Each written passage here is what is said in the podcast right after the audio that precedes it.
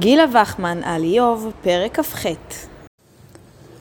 שאל אחר, הוא אלישע בן אבויה, את רבי מאיר, לאחר שיצא לתרבות רעה.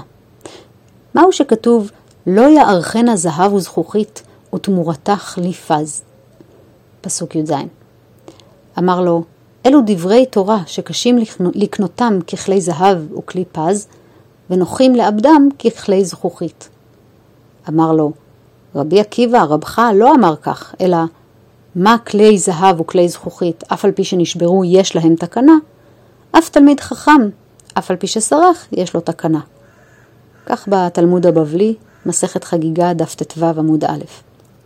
השיחה בין רבי מאיר לבין אלישע בן אבויה, רבו לשעבר, הדתל"ש המפורסם ביותר בתלמוד, עוסקת לכאורה בפרשנות לפסוקי איוב, אך לאמיתו של דבר ברור לשני המשוחחים וגם לנו הקוראים, כי זו שיחת נפש, העוסקת במצבו של אלישע ובאפשרות שיחזור.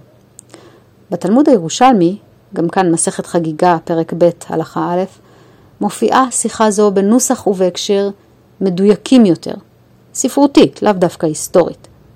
היא מתקיימת מחוץ לבית המדרש בעיצומו של יום השבת. אמר לו רבי מאיר לאלישע, דברי תורה קשים לקנותם ככלי זהב ונוחים לאבדם ככלי זכוכית. ומה כלי זהב וכלי זכוכית, אם נשתברו, יכולו לחזור ולעשותם כלים כמו שהיו. אף תלמיד חכם ששכח תלמודו, יכולו לחזור וללומדו כתחילה. אמר לו, דייך מאיר, עד כאן תחום, שב, תחום שבת. אמר לו, מנהן את ידע, כלומר, מניין אתה יודע? אמר לו, מן תלפי דסוסי, דהבינה מני והולך אלפיים אמה.